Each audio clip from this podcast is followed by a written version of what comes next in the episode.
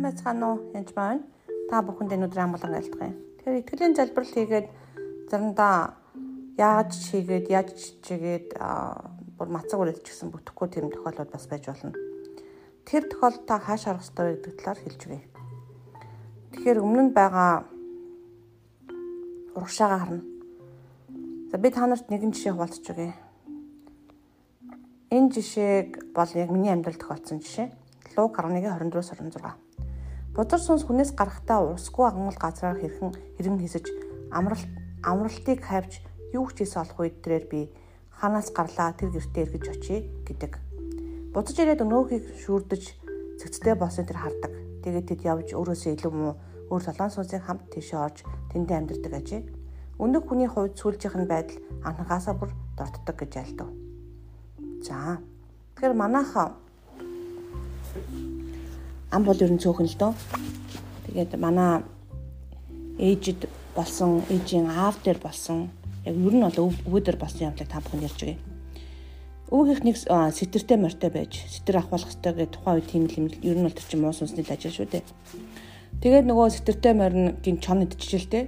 Тэгээд тэгсэн чинь тэр сэтэртэй морь чинь чон идсэн бол сэтрийг өөр нэг амьтан дээр авахлах хэрэгтэй гэж тэгсэн чинь өвөө уурлаж эхэлтэй чи өөрийгөө хамгаалж чадахгүй байгаа амтан биднийг хамгаална гэж юу байдгийг тэр өөрөө лаг юм бол тэр морио идүүлэхгүй чонд идүүлэхгүй гэж болох байсан шүү дээ гэж хэлж үнэндээ өвөгийн зүв байсан. Тэгээд тэр сэтрийг ахуулаагүй орчиж дараа нь тэнд гэрт ер нь олон өвчин зовлон болж эхэлчихлээ.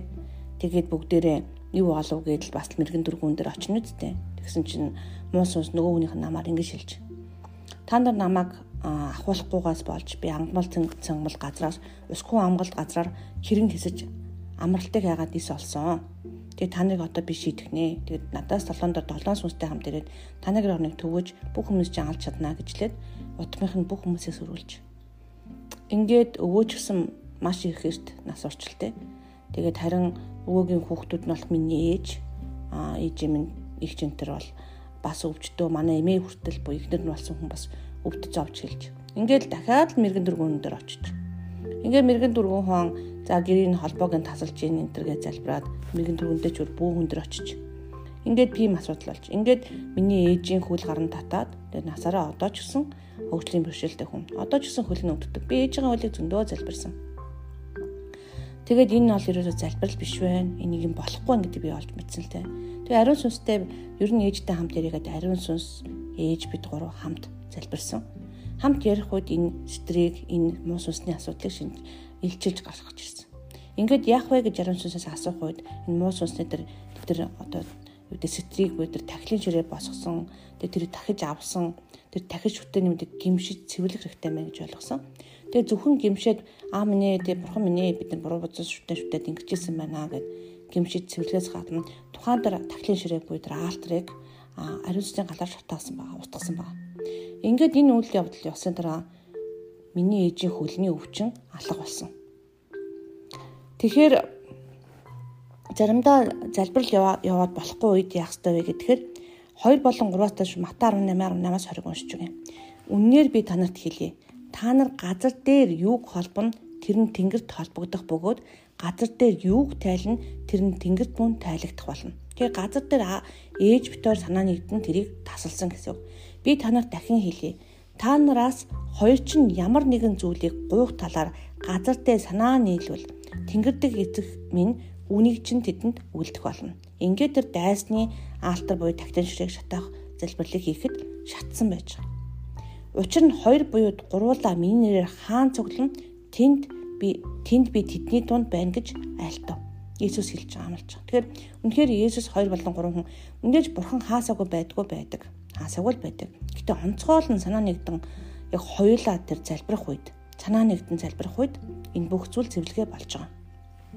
Тэгэхээр энэ мудмын зүйлүүдийг цэвэрлэх бол их чухал. Тэгээд Йоб 22-21-ийг уншиж байгаа.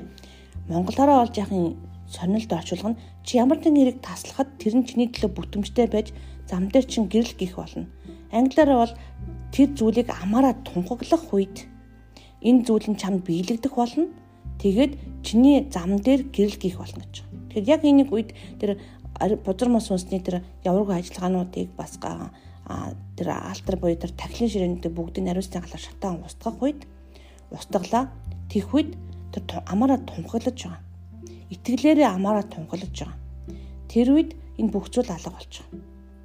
Тэгэхээр тэгээд энэ үед гэрэл бас гарна гэж. Тэр so light will be shine on your ways буюу англиар зам дээр чинь гэрэл гих болно гэж хэлж байгаа. Тэгэхээр бид нэр үнэхээр эзэн бурхан хин гэдгийг мэдэх хэрэгтэй яана тэр сэтэр ч юм уу бөөгийн эсрэг бид нар яаж тулалдах вэ гэж юусаа айжуулахгүй яадвал бүх хэмнэлт нь бидний дээр өгөгдсөн. Гэхдээ хаана ханаас гаралтайг уг гугшлыг олох явдал маш чухал. Энэ бол нэг л жишээ шүү. Энэ миний амьдрал тохиолдсон бодит жишээ. Үе үе миний хөлч гисэн бас өвддөг байсан. Энэ залбирлаас хойш өөр болсон.